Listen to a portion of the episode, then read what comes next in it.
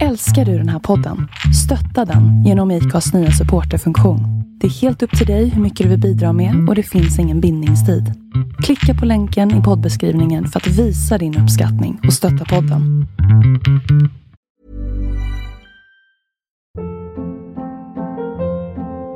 Hold up. What was that? Boring. No flavor. That was as bad as those leftovers you ate all week. Kiki Palmer here, and it's time to say hello to something fresh and guilt-free. Hello Fresh. Jazz up dinner with pecan-crusted chicken or garlic butter shrimp scampi. Now that's music to my mouth. Hello Fresh. Let's get this dinner party started. Discover all the delicious possibilities at hellofresh.com.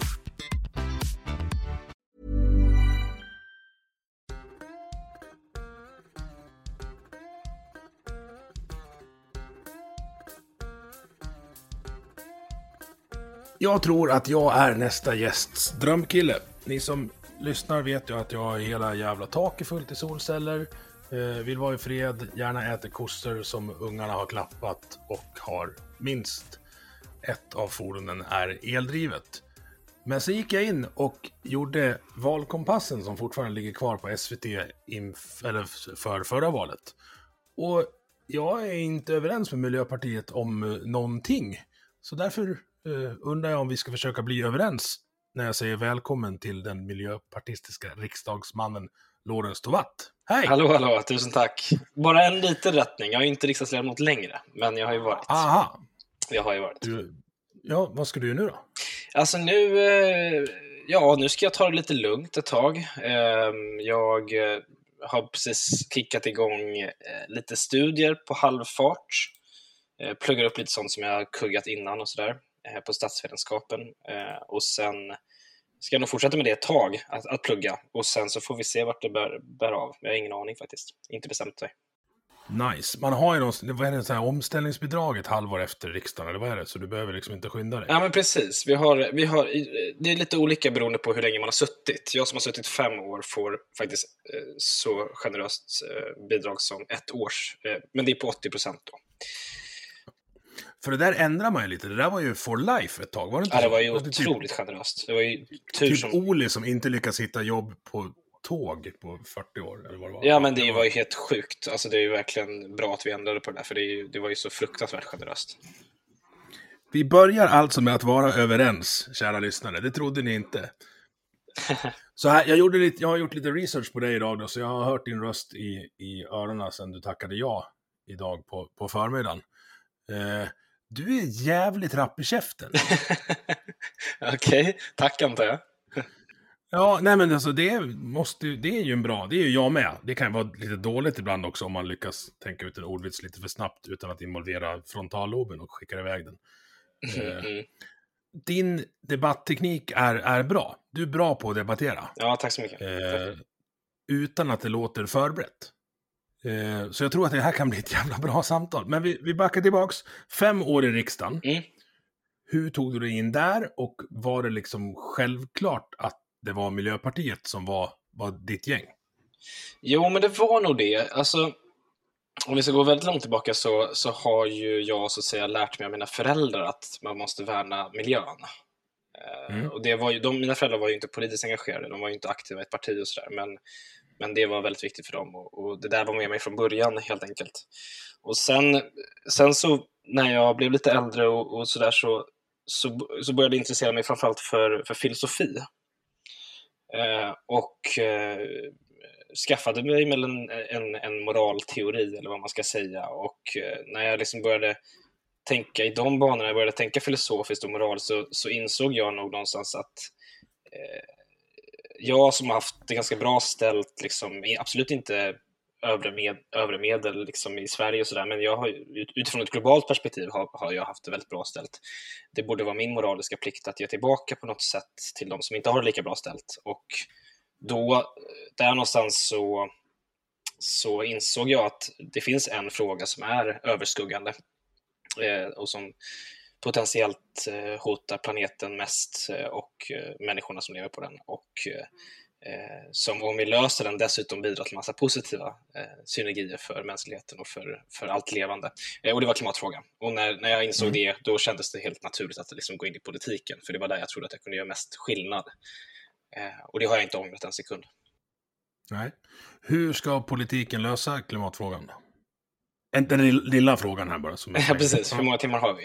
Eh, har vi ja. tio timmar? Nej, men ehm, ja, det är väl, det, är väl det, här, det tråkiga svaret är ju att det är en kombination av massa olika saker, naturligtvis. Det behövs globalt samarbete, det behövs EU-samarbete, det behövs eh, åtgärder i Sverige, både på nationell, och regional och kommunal nivå.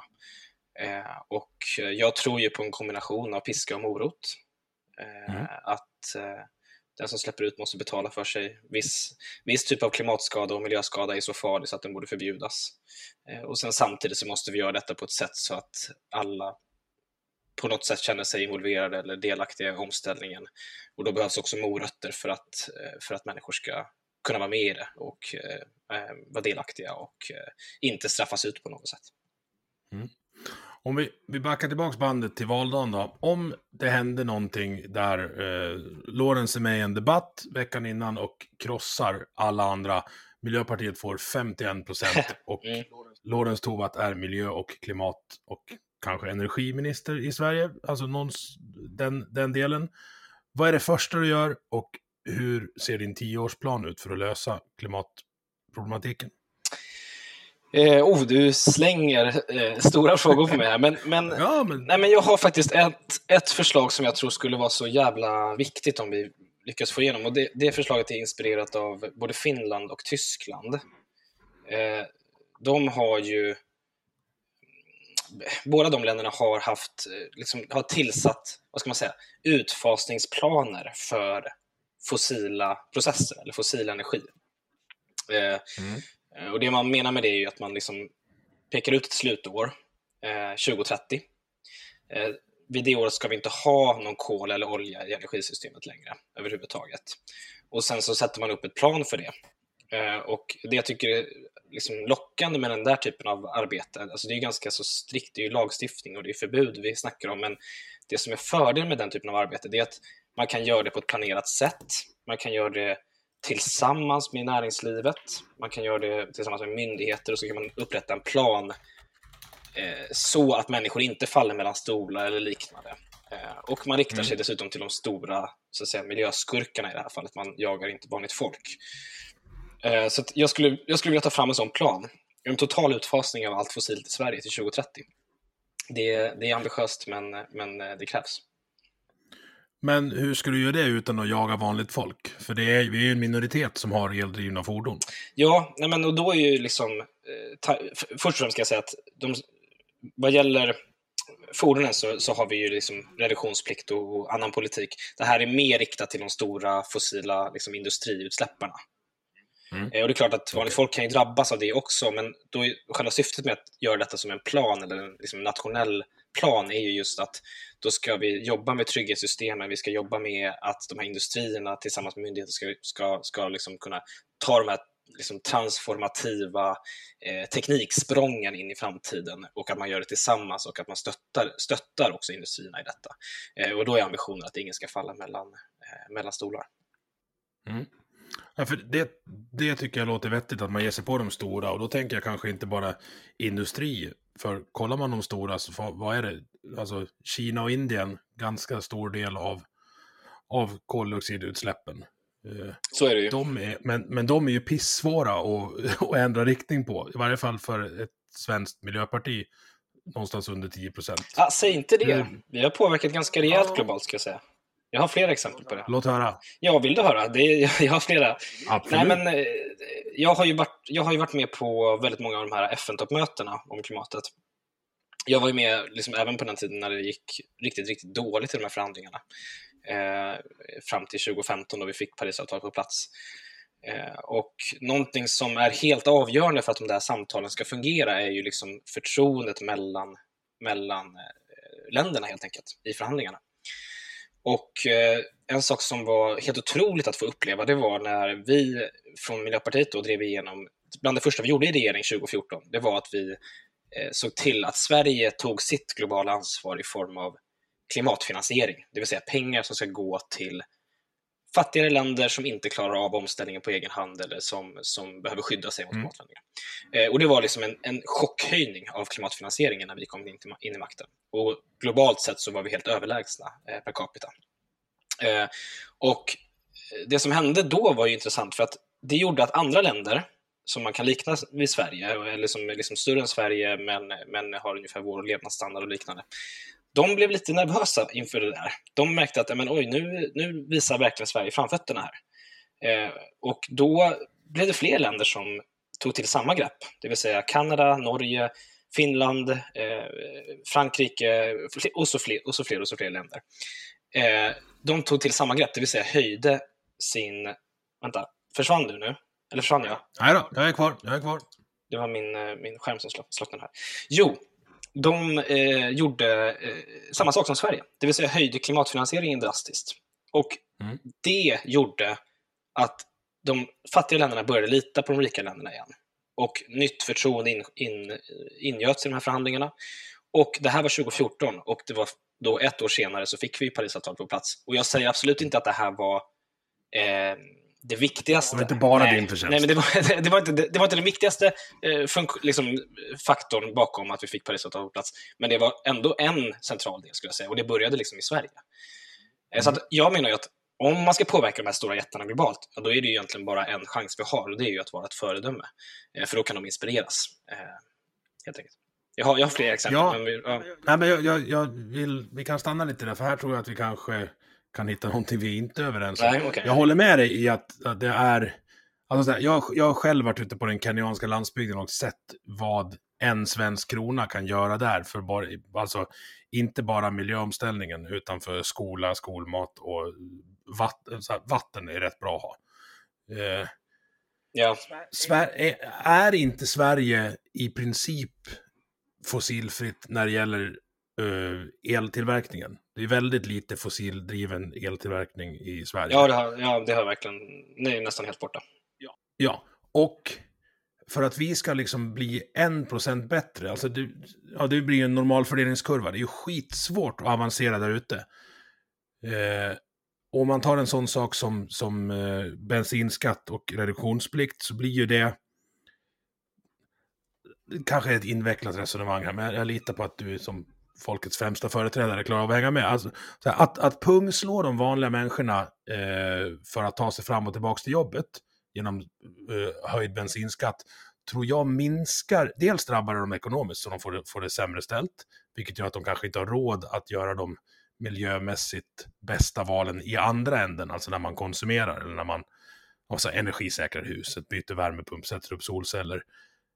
Men jag tror också att det gör att de, de liksom vill inte vara med och hjälpa till för att fixa bättre energi och uppvärmning i, i utvecklingsländerna. F- Förstår du ungefär vad jag menar? Mm, mm, mm. Men hur menar du då att... Vad har du för exempel på det då, pung, pungslagandet? Eh, jag tror att den, de, den delen bensin som går åt i Sverige som går åt till onödig transport och nöjesåkning är försvinnande liten. Jo, men eh, det, jag, du, du bor glest, va? Eller? Ja. Ja.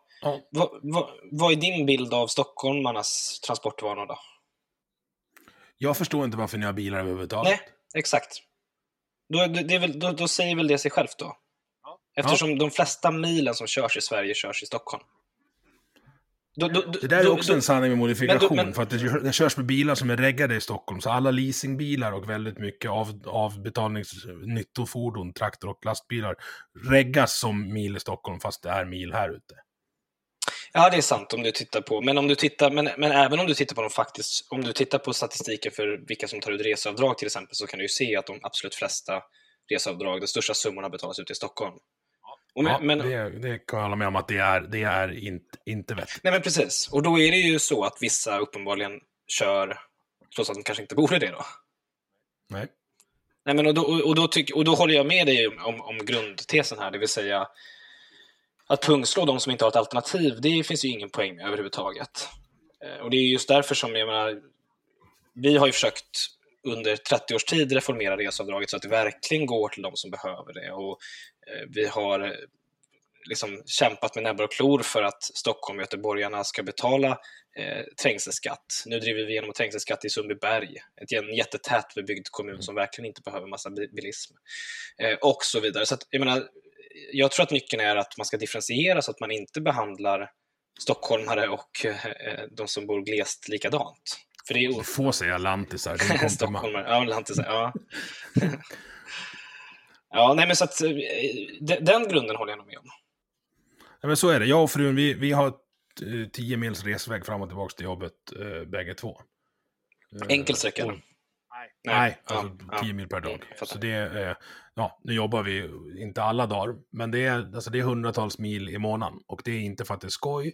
Och shoppingen, eh, det vill säga mat, sker på vägen till och från jobbet. Det är väldigt sällan som, som det liksom är ute och nöjesåker. Sen två ungar, så det, ska, det, blir, det blir några mil. Mm, det blir. Har du, men, du, men du har köpt elbil nyligen, eller? Vi har, vi har en, en elbil och en diesel Volvo. Ja, just det.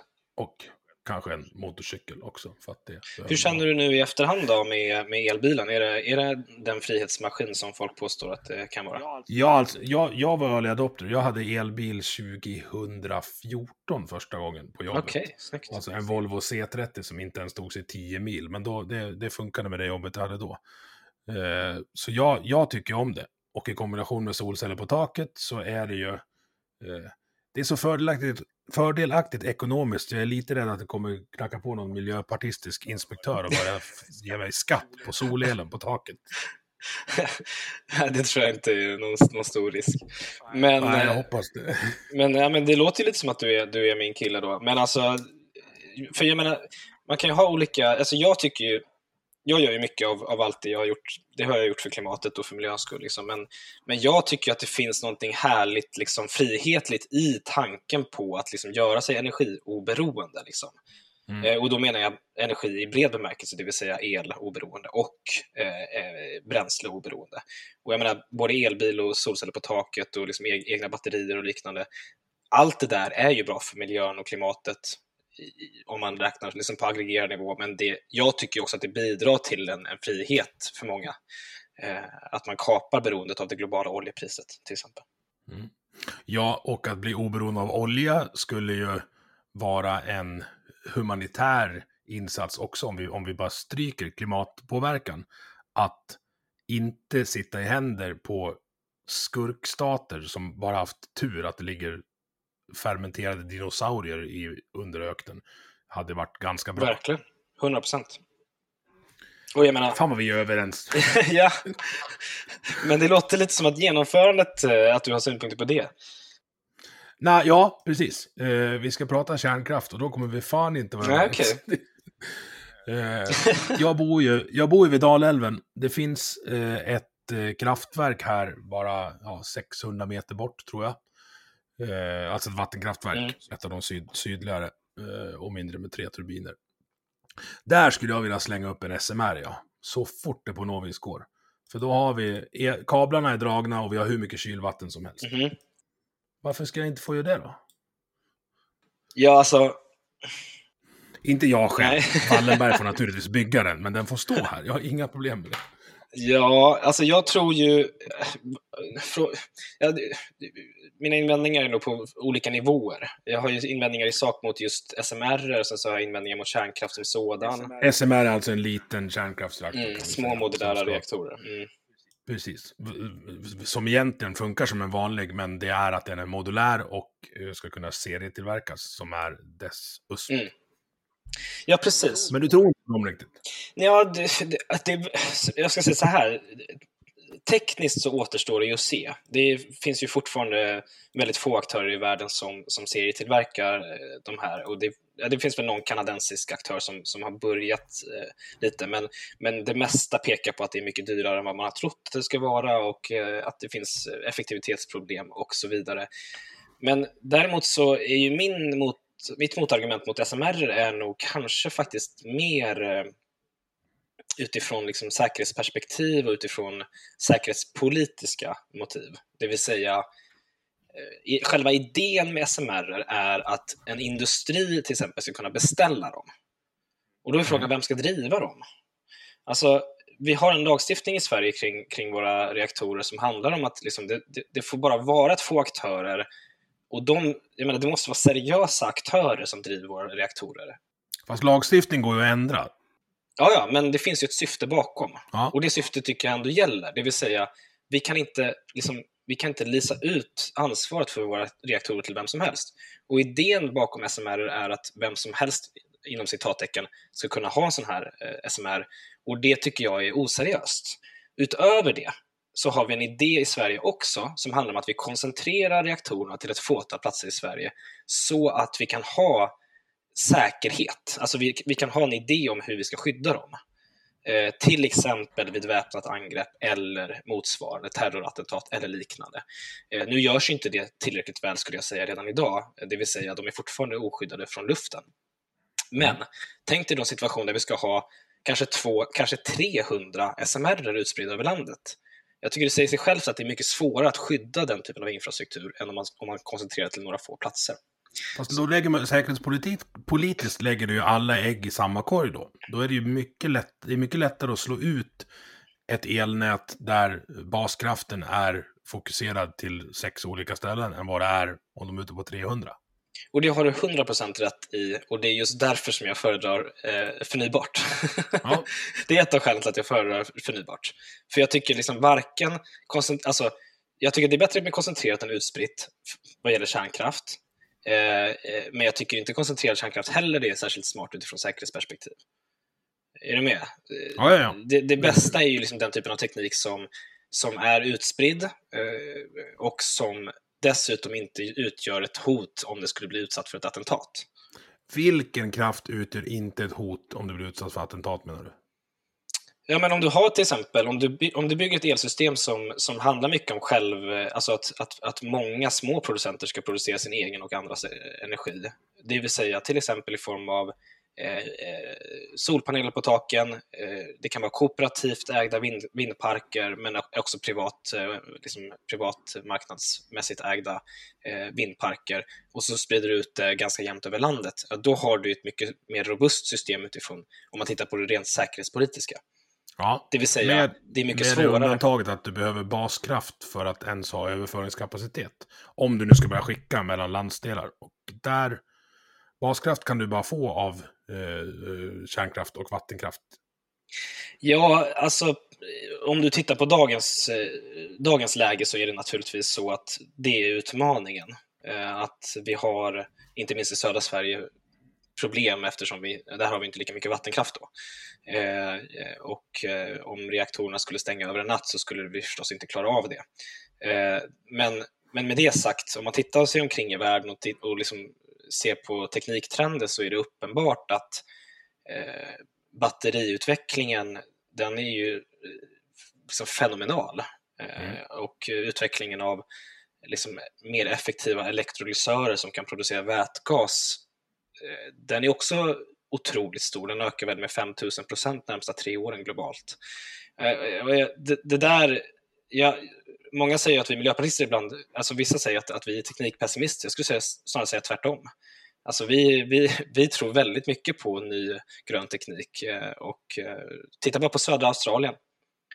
Solceller och batterier konkurrerar ut befintlig kolkraft. Det är mm. fantastiskt. Mm. Liksom. Det är superbra. Ja, så jag, jag, jag, tror att kombinationen smartare användning med batterier, vätgas eh, och eh, framförallt mer havsbaserad vindkraft tror jag kommer göra susen även utifrån ett baskraftsperspektiv. Ja, ja, vi stannar lite vid det du sa att om, om reaktorerna skulle eh, lägga ner över natten så skulle det bli skit även i, i Skåne, alltså de som vi har som är, är igång nu. Mm. Det indikerar ju att antalet kärnkraftsreaktorer påverkar elpriset. Ja, nu nämnde jag inte elpriset dock. Nu Nej. nämnde jag själva systemet. Till, till, ja, elpris eh, kräver ju tillgång. Så är det, ja. Och det där tycker jag att man, man in, inte bara du, men jag tycker att, att ni rundar det argumentet lite grann på, nu vet jag inte om jag ska kalla det på vänsterkanten, men du blir ju ingrupperad med dem i alla fall. Mm. Jo, men det är klart att det påverkar. Eh, allt annat lika så är det klart att ett, ett från, liksom att, att, att kraftproduktion läggs ner eh, gör ju så att det, det uppstår en relativ brist på marknaden, alltså relativt större än vad det var innan. Mm. Men, men när jag har resonerat offentligt om, om eh, priset på el så är det ju liksom mot en bakgrund att vi aldrig någonsin har producerat så mycket el som vi gör idag. Nej, och det, fast det är ju det är aggregerat på, på årsbasis. Ja, Eh, en kall vinterdag när det inte blåser är, och, och är molnigt, då är det ju drygt alltså. så är det ju, men när det väl blåser så är det mycket, mycket billigare än vad det var innan. Så Ja. att det tar ju ut sig själv, tar, tar ut... eh, Ja, om man inte då, du, du sa att du inte vill att vem som helst skulle få göra kärnkraft för att det kan komma in oseriösa aktörer. Systemet vi har nu, eh, alltså jag kan nog räkna upp hundra aktörer som skulle kunna vilja bygga kärnkraft som är seriösare än Putin som bestämmer priserna nu via... Att, alltså det är, ju, det är ju energiterrorism han håller på med. Mm, Un, under liksom, inte undercover, men eh, bomber och soldater är bättre tv. Mm, Alltså det finns ju en lång plan där för att jävlas. Det är mm, absolut, uppenbart. absolut. Och den har pågått länge. Ja. Och jag, kom, jag, kommer ihåg, jag kommer ihåg när, de, kommer ihåg när tyskarna skrattade åt Trump. Alltså jag är ingen Trump-fan. Vad var det FM han bara, ni är beroende av, av rysk gas, det kommer gå åt helvete. Då skrattar de. Jag vet inte Mm. om de garvar längre. Nej, nej, tyskarna har ju inte gjort sin hemläxa. De, de borde ha inspirerats av den svenska värme, värmesektorn. Vi har Eller den franska. Ja, fast eh, den franska är inte eh, optimal. Inte värme, men energi. Alltså de är Ja. också gasberoende när det gäller värme, men Ja. el har de ju. Men, men det, det som inte många vet är ju att eh, den, den, ryska gasen den går framförallt till värme i Tyskland. Mm. Den, den är inte, och, och det är ju helt an, det är ju väldigt omständigt att producera värme via kärnkraftverk. Så det som de, det tyskarna inte har gjort hemläxan kring är inte främst elproduktion, utan det är sin värmeproduktion. Fast varför är det omständigt i kärnkraftverk? Jag trodde att värme var det som var jobbigast att bli av med. Ja, kan, det är klart att du, du, du får viss restvärme från, från eh, kärnkraftverken. Det är Eh, typ världens nöjdaste sälar och ett halvt korallrev utanför Forsmark för att kylvattnet inte kyl, det är inte radioaktiva kylvatten, men det, det går ju ut där. De kyler ju i spiraler. Jo, jag vet. Nej, men det, det är klart att det, det finns en restvärme som man kan ta vara på, men det, men det är ju lokalt då, så att säga. Eh, och det är svårt att ställa ett kärnkraftverk till exempel i, mitten av Stockholm. Eh, så att, så att det, det, värmesystemet kräver ju mer omsorg än så, så att säga. Eh, och då Mm. har ju Sverige gjort hemläxan redan på 90-talet när vi liksom började bygga ut kraftvärme och, och liksom, ja, vi, vi, vi, hade en idé kring det där och vi har gjort det på ett bra sä- sätt. Medan den, den tyska värmesektorn och inte minst faktiskt också den, den tyska industrisektorn är ju djupt gasberoende. Däremot Mm. är elsektorn inte så gasberoende som många tror att den är. Eh, men du har helt rätt. Putin, eh, Putin är ju den största skurken här. Så är det. Ja, det är...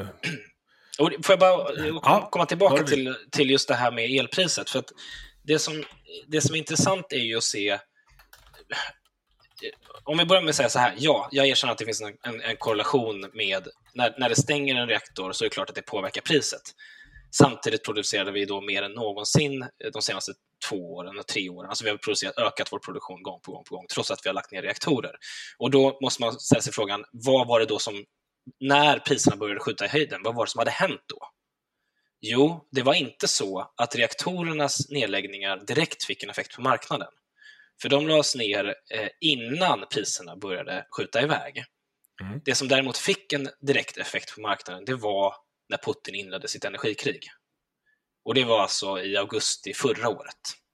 Det var då Gazprom började dra tillbaka leveranserna av, av gas. Och det började så, där, därefter få priset att skjuta upp i, i hela Europa. Mm. Och sa, samtidigt så krånglar den franska kärnkraft, kärnkraften och samtidigt så har vi fått en ny kabel från södra Norge till Storbritannien, vilket gör att det dras el från i princip hela Norden neråt.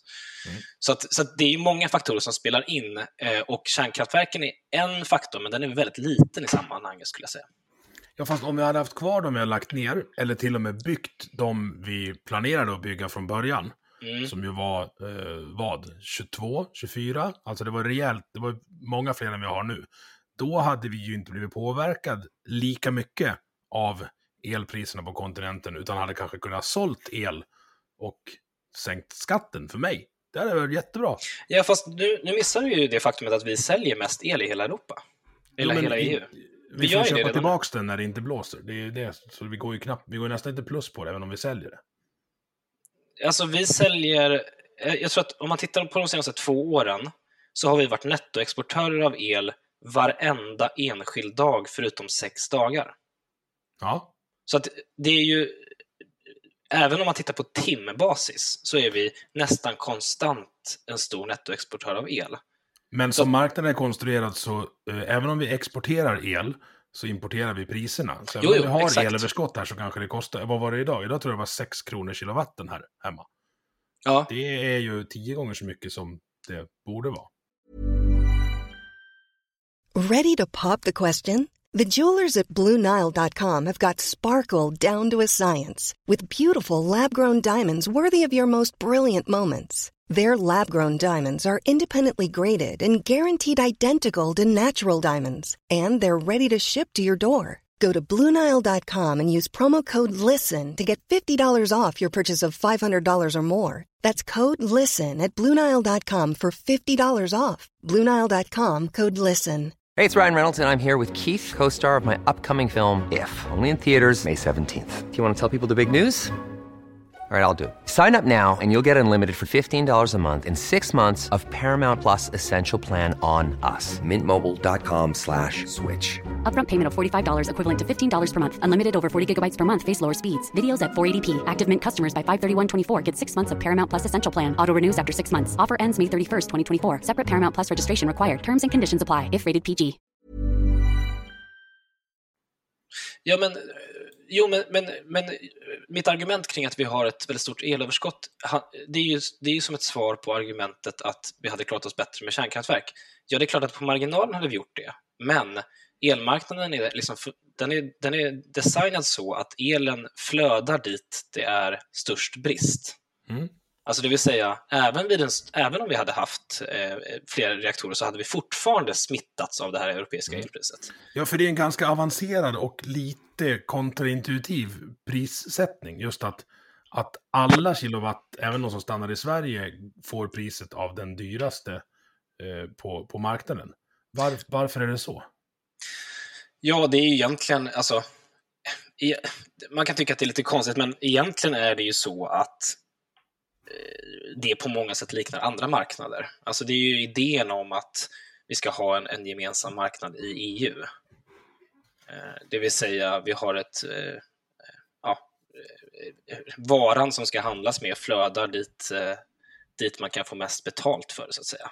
Mm. Och man kan tycka att det där är lite dumt planerat, men, men samtidigt så finns det ju en poäng också med att liksom peka på, okej, här är det nu en brist. Om man tänker liksom norra Frankrike, där är det liksom den största bristen i, EU. Eh, Då flödar el dit och de får betala högst, men vi får, vi, det smittas även på oss. Ja, då får man ju också den här marknadsmekanismen att det driver fram energieffektivisering och mer produktion. Eh, Mm. liksom. Så att, eh, ja. Jag vet inte. Ja, jag tycker, ja. Nej, men det här är ju ingen debatt heller. Vi, Nej, nej, nej, alltså, vi provar ju bara, alltså jag vill ju verkligen förstå eh, hur folk tänker. Det är Mm, därför mm. jag har den här podden. Mm. Och jag, det är liksom inga, inga angrepp på dig heller. Eh, Nej, nej, nej, jag uppfattar det inte så. heller. nej, nej. Nej, om man ska elektrifiera och få bort då, då eh, fossildrivna bilar, vad är det, 2035 som är målet eller något sånt? Ja, Det EU finns- har, EU har det. Ja, det finns då på, på förslag. Då kommer vi behöva mycket mer el och vi kommer behöva den när vi behöver den. Så jag är Mm. livrädd för hur det kommer se ut om det blir liksom kallt, mulet. Alltså, tänk om det blir så kallt så trängslet fryser här uppe.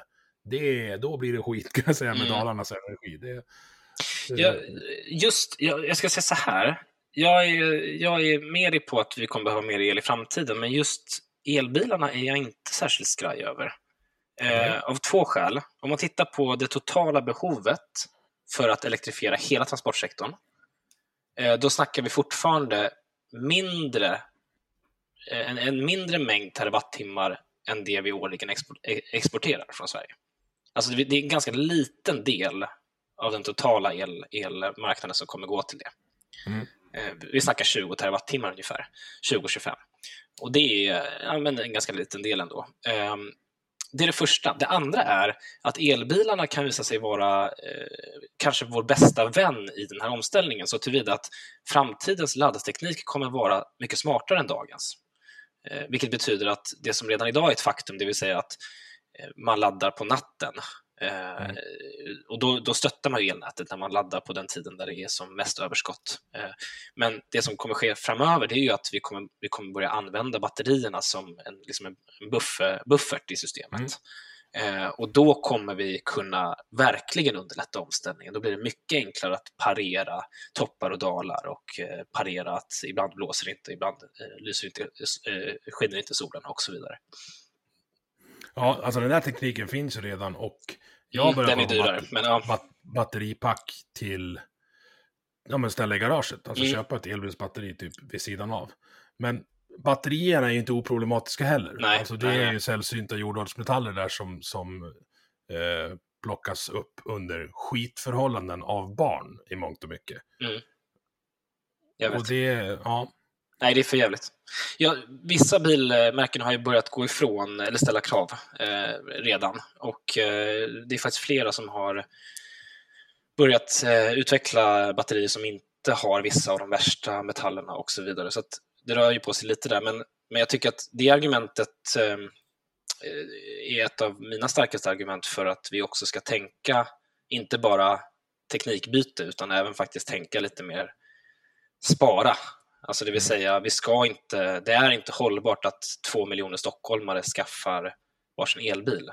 Utan det hållbara alternativet för två miljoner stockholmare det är att i större utsträckning gå, cykla och ta kollektivtrafiken. Eh, ja. så att Eller sparar. Porsche Cayenne har man ingen nytta av heller. Nej, det tycker jag nog inte. men, nej, men liksom att då får vi nog tänka resurssmart här. Att det, det är inte hållbart att varenda kotte i, i världen ska köpa en sån här elbil. Eh, utan det ska vi ha till de som behöver det. Och jag, jag tror inte vi kommer bli av helt med, med liksom, alltså inom vissa eh, sek sektorer. Alltså en, en traktor som ska mala på en hel dag eller ännu värre en skördetröska på en åker. Mm. Där el, det blir svårt att ersätta diesel med el där. Men då kan ju, alltså de kan ju gå på HVO eller någonting. Det behöver inte vara fossil avdelningen. Ja, precis. HVO, eller sen så kan de nog... Eh, HVO kan ju vara jättesnyggt, ut, eller biogas, alltså, då kan man ju hitta liksom, lokala kretslopp eh, som, är, som är snygga. Och, eh, sen så lite längre fram kanske man kan till och med tänka sig eh, vätgas. Eh, eh. Och sen så ska man inte heller underskatta teknikutvecklingen. Jag såg nu att Teslas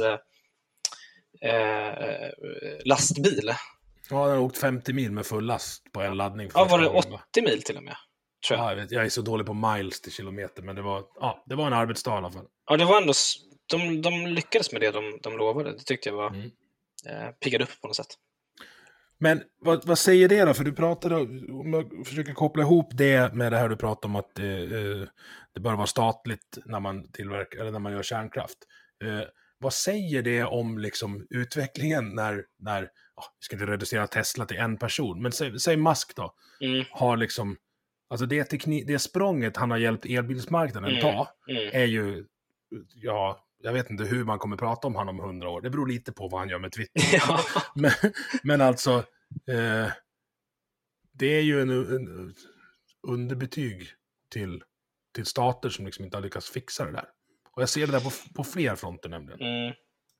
Ja, det kan man väl säga. Nej, men jag, jag, jag tillhörde ju de som, som eh, åtminstone för några år sedan hyllade Musk. Eh, Jag, redan då tyckte jag att han var lite halvgalen, men, men han har ju ändå gjort väldigt mycket för, för utvecklingen av batterier. Det får man ju verkligen ge honom. Det är galningar som får saker gjorda. På något jävla sätt är det så. Sen ska man ju inte... Sen är det ju så att politiker ska inte producera saker på det sättet, tycker jag. Utan det viktiga för politiker är ju att, att alltså, rigga, rigga systemet och marknaden så att, det, så att man kan få... Att man har möjlighet att sälja hållbar teknik, till exempel. Eh, och det tycker jag att... Jag menar, om det är något som jag är otroligt stolt över efter mina år i politiken så är det ju bonus-malus-systemet. Mm. För jag menar, Tesla fanns ju innan bonus malus, men det fanns ju knappast några Teslor på svenska vägar. Alltså ökningen av laddbara fordon sedan vi införde bonus malus har ju varit helt spektakulär. Vi är näst bäst i världen. Förklara bonus malus. Ja, precis. Ja, men bonus malus är ju att man Idén är att det ska vara ett självfinansierat system, det vill säga man tar in en, en avgift eh, av de som köper nya törstiga bilar eh, och den avgiften läggs eh, som en bonus till de som köper renare, renare bilar. Eh, och då ska det kunna finansiera sig självt och så ska det ju liksom skärpas allt eftersom och så ska man fasa ut de, de smutsiga och, och istället eh, få fram fler hållbara alternativ. Då. Eh, och det här har jag varit eh, väldigt involverad i, att ta fram det där och, och är, är otroligt stolt över, över möjligheten. Och just det här som jag inledde med att snacka om att både piska och morot och kombinationen av dem funkar väldigt väl i det här fallet. Mm. Eh, och dessutom gör det möjligt för för, för vanligt folk att ta del av, av omställning på ett annat sätt. Min syn på det är att politiker ska, ska försöka att reglera så lite som möjligt. Även om du hade ett lyckat exempel nu. Jag är för dåligt påläst för det. Jag litar helt enkelt på dig.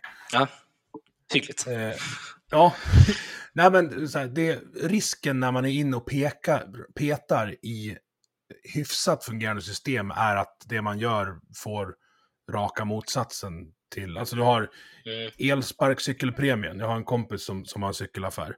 Eh, den, det som hände där var att efterfrågan gick upp och då justerade marknaden. Så priset gick upp typ med det som var elsparkspremien. Så det var bara fabrikörer som, som tjänade på det.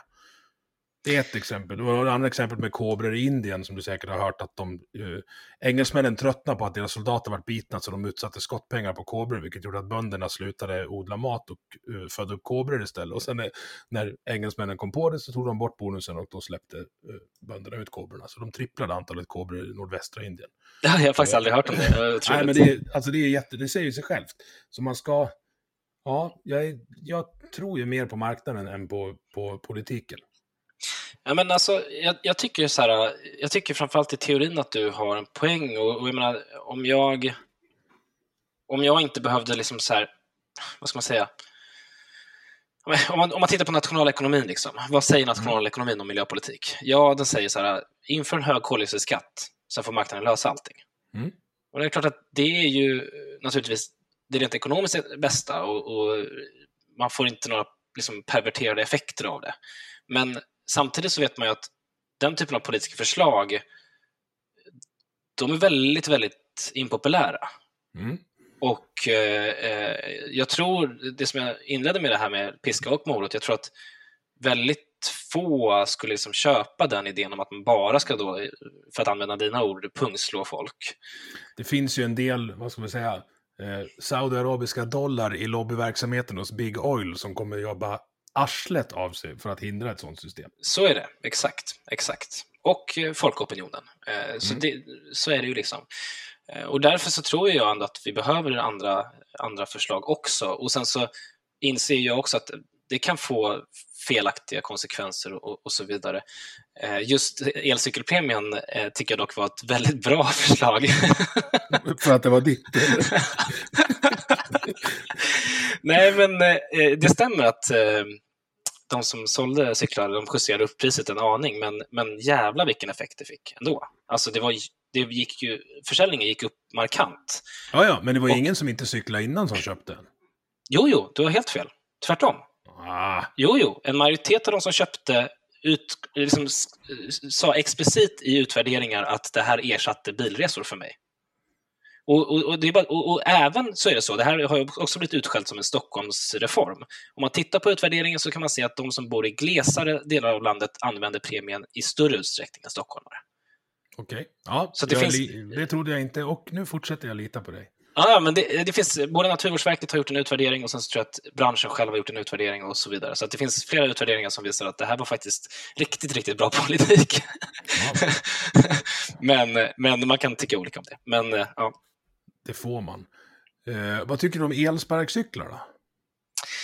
Eh, ja, alltså eh, jag tycker väl att jag tycker det bästa är när man hittar någon typ av mellan eh, Alltså eh, en, en, en reglering av dem eh, som inte är för strikt men som ändå är tillräckligt strikt för att de inte ska ligga och drälla överallt jag älskar dem, alltså när jag är, är i städer som har dem. Jag tycker Ja. det är ett sånt överlägset stads... Alltså det är en, det är en, jag hade inte gått med på bilfri, bilfri stadskärna innan jag provar dem där.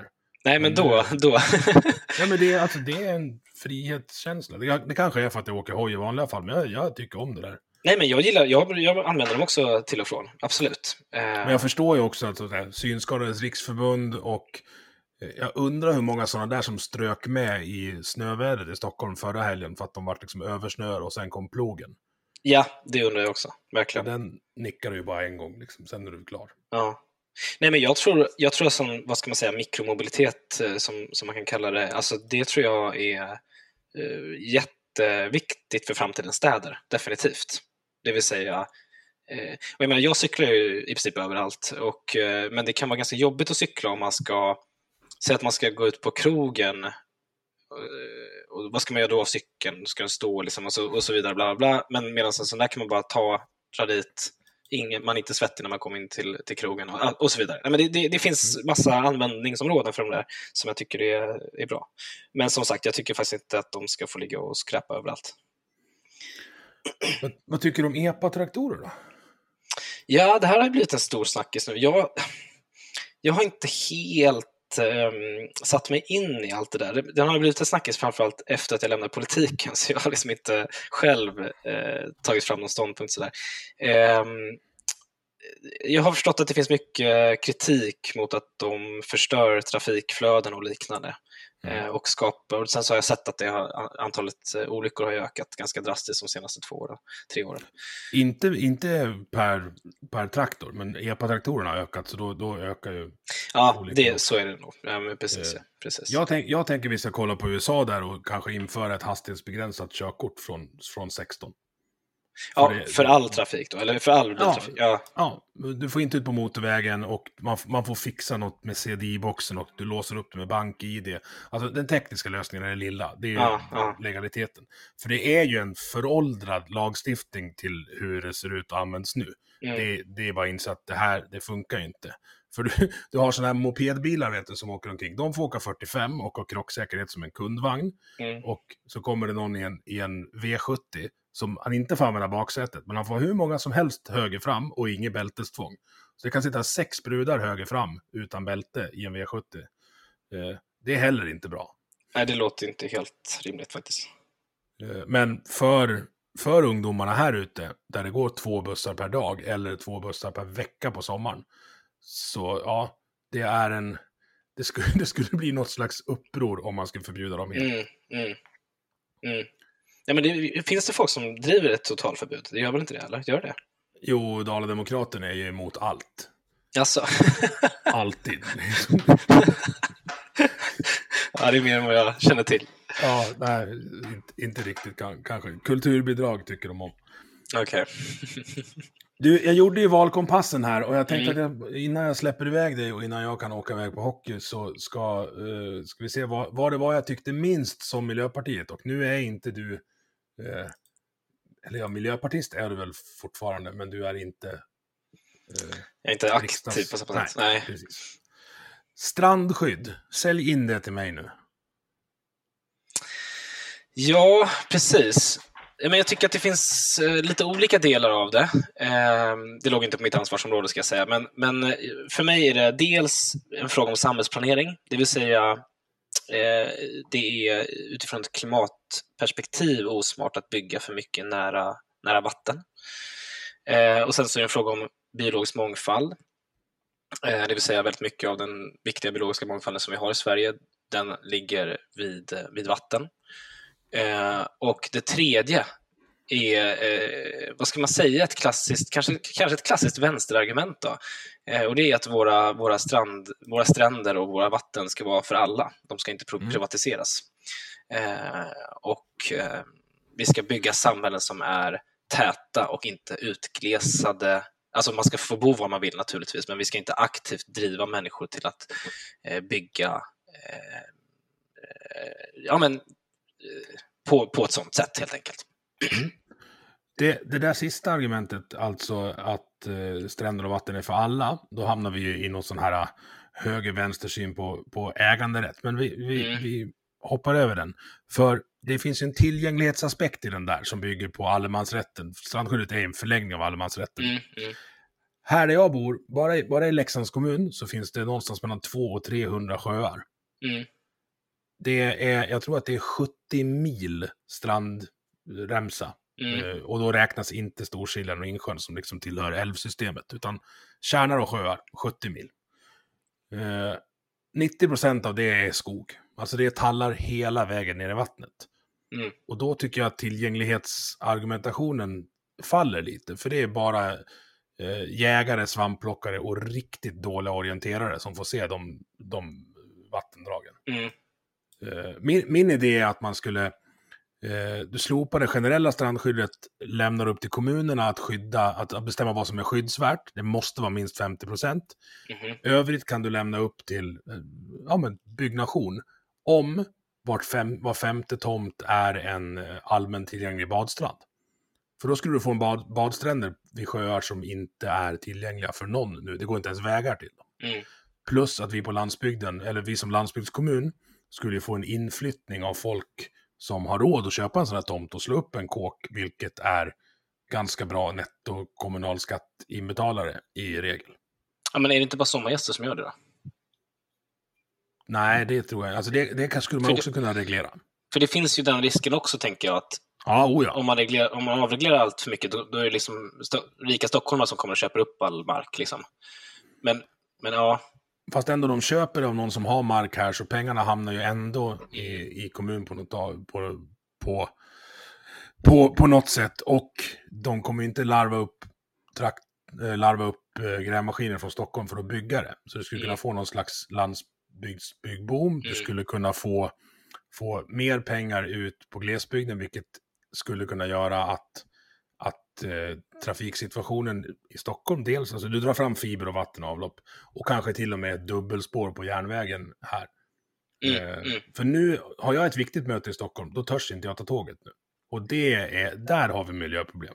ja verkligen. verkligen. För det är liksom, det är mer stopp än rull. Mm. Ja, men jag tycker, eh, jag, jag kan inte den här frågan i detalj, men jag tycker liksom att du ändå resonerar ganska bra där. Jag, jag, jag minns att när vi hade den här frågan uppe för förhandling inom januariavtalet då, så, så vet jag att vi drev någon typ av differentiering. Och jag vet inte exakt vad den gick ut på, men, men eh, jag tycker nog också att man, man bör se den lite mer nyanserat än att liksom skydda allt eller avreglera allt. Liksom. Oh ja. Eh, det finns det nog starka skäl till faktiskt. Och sen tror jag att jag vill verkligen ha ner det på kommunal nivå. Att det är lokalt man bestämmer vad som, vad som ska skyddas. Mm. För jag tror att det är de som, som ser sjöarna varje dag och åker på grusvägarna, vi är de som vet liksom vad, vad, vad som gäller. Sen Mm. finns det risk för, för liksom jäv och det finns ju politiker som har skog också. Men Mm, så är det ju. Verkligen. hellre, hellre det än att någon i Stockholm, eller ännu värre Bryssel, ska bestämma vad vi får göra på våran, våran mark. Mm.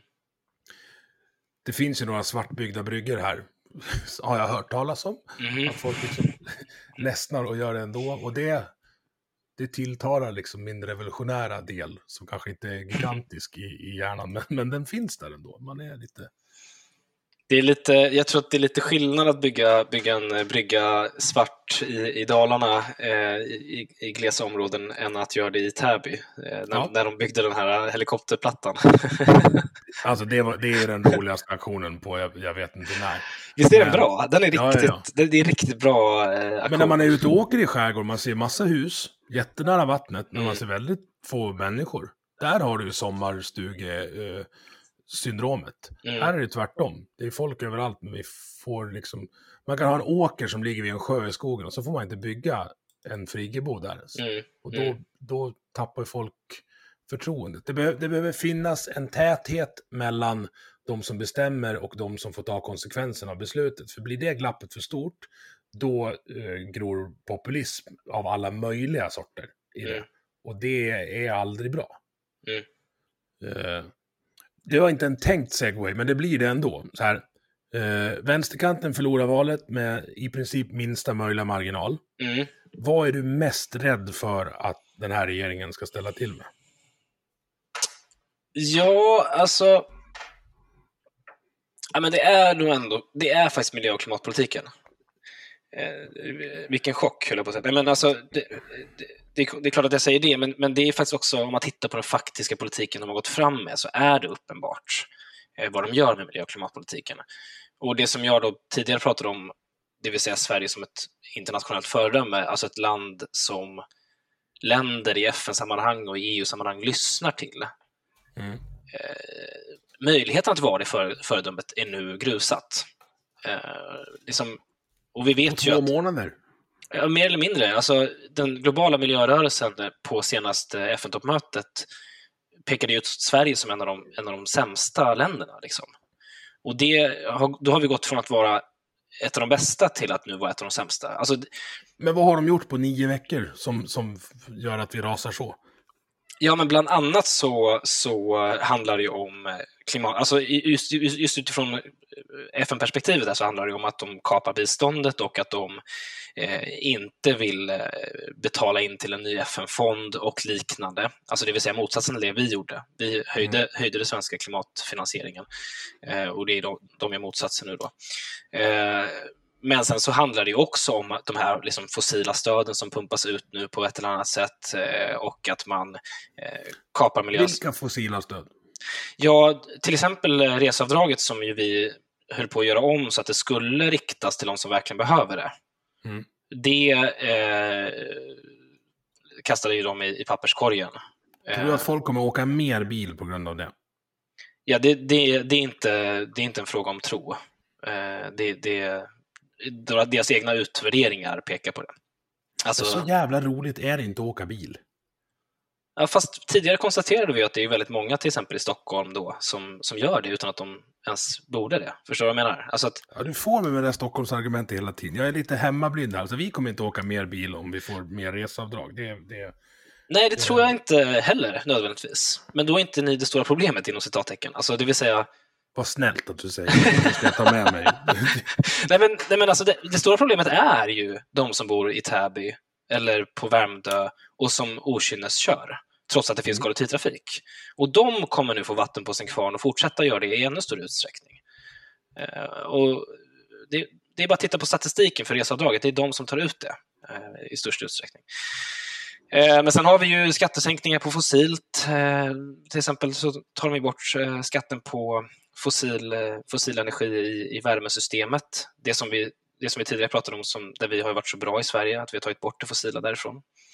Eh, så vi kommer se kanske till och med att vi börjar använda mer olja och till och med kanske i värsta fall kol i, i Men är inte det verkligen på marginalen när det gäller våra utsläpp? Alltså kommer det, göra en, en, kommer det synas på kurvan över Sveriges utsläpp? Som, alltså Sverige syns inte på kurvan över utsläpp överhuvudtaget. Alltså det, det är ju ett argument som kommer eh, ofta att om Sverige försvann imorgon mm. så skulle inte det märkas i miljöarbetet. Så därför kan vi göra lite som vi vill, vilket jag tycker är ett jävla dumt argument. Ja, nej, men det är det, och det, och det så, så är ju då eh, mitt huvudargument där var ju just att eh, det här handlar ju om, alltså det är precis som du säger, att om man bara tittar på statistik, alltså på siffrorna, ja, men då är ju Sveriges bidrag till uppvärmningen ganska marginal, marginell. Eh, men så kan man förstås inte tänka eftersom alla länders påverkan i så fall är marginell. Eh, men Eh, det som eh, är skillnaden är ju att Sverige historiskt sett har varit det här globala föredömet och folk lyssnar på oss. Jag, jag, till exempel när vi drev, drev igenom förändringar i EU så att vi höjde priset på kolkraft i hela unionen. Alltså bara en sån sak, det hade vi inte lyckats med om inte vi själva var ett föredöme. Och det den här, den här regeringen gör, det är ju att man liksom man monterar ner klimatpolitiken och det får ett, ett, internationellt eko som riskerar att göra att vi tappar den positionen som föredöme och då kan vi inte inspirera andra att agera. Alltså föredöme är ju någon typ av, av att skicka signaler och signalpolitik och det där kan jag bli lite provocerad av för att signalerna som skickas, även om de skulle få effekt över tid, eh, skickas med mina pengar och jag kanske tycker att mina skattepengar ska användas så att jag får del av dem. Ja, eller alltså vad menar du? Alltså... Nej, men om, vi, om vi hänger upp på bistånd, så här, vi skickar ju, jag såg någon rapport om det häromdagen, alltså vi skickar ju mindre pengar i miljöbistånd till Rwanda än vad de köper Premier League-reklam för. Och nej, men då ska de inte ha några mer pengar. Alltså, det, det ska gå till det det ska gå till. Likadant, FN är ju, det försvinner ganska mycket pengar i FN till saker som inte mm. är kärnverksamhet. Eh, Sen vet jag inte om det finns något, något bättre alternativ. Mm. Men det, det känns som att FN är som ett stort jävla landsting där det bara, bara tillsätts mellanchefer hela tiden. Ja, jag vet inte. Jag läser just nu faktiskt en, en eh, delkurs på, eh, på Försvarshögskolan om samhällssäkerhet. Eh, och en av böckerna som jag läser just nu, den, den handlar ju om eh, alltså, vad, eh, egentligen så här, eh, sårbarhet. Och så pekar den ut hur ska man hantera till exempel eh, naturkatastrofer i, i, eh, i vissa länder. Och ehm, det där är ju, det är ju som du säger att vissa länder har ju inte en eh, stabil demokrati med, med ansvarsutkrävande och med, med eh, rimliga regeringar. Eh, och just därför så är det ju mycket biståndspengar som inte går till regeringarna. Eh, och det tycker jag är rimligt, alltså att man jobbar med lokala NGOs snarare som, som hjälper på plats i, i katastrofer och liknande. Men, men behovet av det är ju enormt globalt Mm. och kommer ju växa i takt med klimatförändringarna. Så att, ehm, ja, jag vet inte, jag, Jo, för det kommer inte bli varmare, eller det kan inte bli varmare här, men det är inte här det kommer drabbas. Men ja, inte hårdast i alla Eh, fall. nej, det skulle, ja, om man inte räknar med konsekvenserna. Det skulle ju kunna komma en flyktingvåg som får 2015 att framstå som en liksom bris. Ja, så är det ju definitivt. Eh, vilket ju är största skälet till att Sverigedemokrater borde vara vänner av bistånd och klimatarbete, men det, de är, det är motsatsen Jo. snarare. Men jag tror ni går bort det när det, liksom, när det blir eh, bensinupproret och, och de här, eh, vi, inte helt utan poängrörelserna, men som drar till sig eh, riktiga tänkare, så att säga. Det finns ju en massa klipp på, på det där. Ja. Men man ska nog lyssna för, för helt plötsligt vart hela Sverige ett stort bensinuppror efter ett tag. Mm. Eh, man ska, man kanske inte ska styras av fringen, men man ska nog hålla koll på den. Mm. Mm. Och, det, och som du säger om Sverigedemokraterna, alltså det, det de sa för fem år sedan är nu socialdemokratisk migrationspolitik. Inte nog med det, utan Magdalena tar liksom cred för det. Nej, men det, det är inget paradigmskifte nu, det gjorde vi 2015. Mm. Ja, och det där kommer tillbaka till den här liksom, eh, retoriska ärligheten, även om man är rapp i käften. Att det, eh, jag, anledningen till att jag startade den här podden var, var vad heter det, partiledardebatterna 2014. För jag var, jag var så less på dessa raparna av talepunkter istället för att bara svara på frågorna. Mhm. Och kanske till och med säga att andra sidan säger, men jag har ganska bra argument, men jag tycker så här och jag har bedömt riskerna på ett annat sätt än dig. Alltså behandla väljarna som vuxna, det är Mm. inte så svårt. Mm. Mm. Ja, men absolut. Absolut. Sen vet jag inte hur bra kompis det är, men det här så här, limma fast sig på vägen-gänget gör ju inga under för, för folks vilja att, att ta miljösmarta val. Eh, jag tror ju ganska mycket på civil olydnad, men sen så finns det ju eh, bättre och sämre sätt att göra det på, eh, Ja. kan jag väl säga. Men eh, Jo, men alltså, jag vill ju också vara autonom och, självförsörjande så på, det, på det sättet. Som, alltså den civila olydnaden. Vi, vi löser det själv. Det är, ja, det är Och- långt mellan systembolagen här, men det är för att vi inte behöver dem, så att säga. Alltså det går att... Vi, vi, vi fixar saker själva i skogen. ja. Kristoffer Fjellner, den, den eh, moderaten, han som var Europaparlamentariker bland annat, han, han höll ju på med att sälja snus eh, illegalt i Bryssel som en, som en civil aktion. Tycker jag, var, Mm. jag vet inte hur ädelt det var, men jag, jag stött, som snusare så stöttar jag det. Ja, det, det är bra. Ja, men det är mycket, eh, om vi ska prata ärlighet, alltså den här snusvinkeln senaste veckan, som ju inte ens fanns. nej, nej. Kan folk bara sluta gå på sånt? Ja. Det, det man, man skrämmer med, med EU och när, det, när debatten blir så jävla dum som den blev runt det påstått höjda snuspriset, då tappar folk som, ja, men folk som har sitt nyhetsflöde från rubriker och ingresser Mm. och pushnotiser, de tappar ju tron på EU Mm, mm, mm, när det, när det gäller sånt. mm. Verkligen, verkligen. Ja, vi har pratat en timme. Vi Ja. hann, hann inte ens igenom en tredjedel av min valkompass. Vi har inte pratat migration, vi har inte pratat cannabis, vi har inte pratat, vi har inte pratat att jag vill beväpna granntanten. Eh, det, kanske, det kanske var tur, höll jag på att säga. Det låter inte... Ja. Nej, men det, men det finns var inga kul. poliser här. Så det, det, Du, jag såg att du hade haft med Aron Flam eh, i tidigare. Ja. Jag har ju varit med i hans podd också. Ja, det vet jag. Så Det har jag, så jag, så jag doppar min tå i banjohögen då och då. Du, det, det där är ju utkanten banjohögen. Jag, jag spelade in tidigare lag och pratade just om banjohögen. Jag hade ju alltså Lars-Anders Johansson, Rickard Axdorff och Per-Ola Olsson i rad. Okej. Man blir, man blir annan människa då. Nej men du, jag, tack för att du tog dig tid. Eh, Nej, men självklart. Jag tyckte det var superkul. intressant att prata med någon som... som vi, alltså, vi var överens om fler saker. Fan vad jag kommer få skit för det här av mina kompisar. Det är liksom, du, är, du är den första miljöpartisten jag har pratat med hela mitt liv tror jag. Men hade du inte haft med Mursa-Lisa? Jo, men han, är, han gills inte. Han gills inte. Nej. Nej, men han, är, han bor ju i verkligheten, jag på att säga. Du är ändå stockholmare, Lovis. Ja, just det. Då är man inte i verkligheten. Nej, Mursal alltså. Vilken jävla klippa han är alltså. Älskar honom. Partiledarämne. Alltså släpp upp han. Alltså han, Mm, tycker han är jävligt bra. han har ju, eh, han har ju, han har ju, vad heter det? Knäckt integrationsproblematiken. Jag vet, jag vet. Gör han till integrationsminister i vilken regering som Ja. helst. Ja, han är en är- jävla fin person alltså. Otrolig, otrolig kille. Avsnitt 69 för er som, som vill eh, titta på det. Men du, Ja. du ska åka på hockey. Man Underbart. gör det uh, viktiga. Är det Leksand? Håller du på Bayern då också eller? Nej, jag håller inte det är bra. det är jävligt bra. Djurgårdare du eller? Jag är djurgårdare. Ja. Ja, vilka var det ni delade arena med sa du? Ja, Bayern, men det, Ja. jag, bryr, jag bryr mig inte om det. Eller Liksom, det, det Nej, Vi, vi delar arena med Häradsbygden. Det är på riktigt det. okej.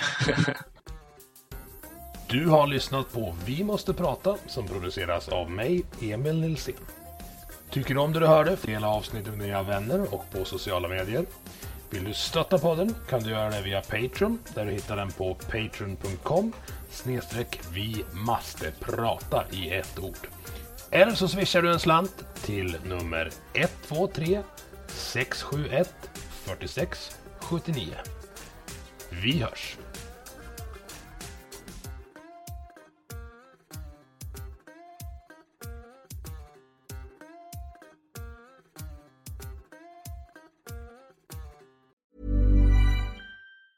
Planning for your next trip? Elevate your travel style with Quince. Quince has all the jet setting essentials you'll want for your next getaway, like European linen, premium luggage options, buttery soft Italian leather bags, and so much more. And is all priced at 50 to 80% less than similar brands. Plus, Quince only works with factories that use safe and ethical manufacturing practices. Pack your bags with high-quality essentials you'll be wearing for vacations to come with Quince. Go to quince.com slash pack for free shipping and 365-day returns.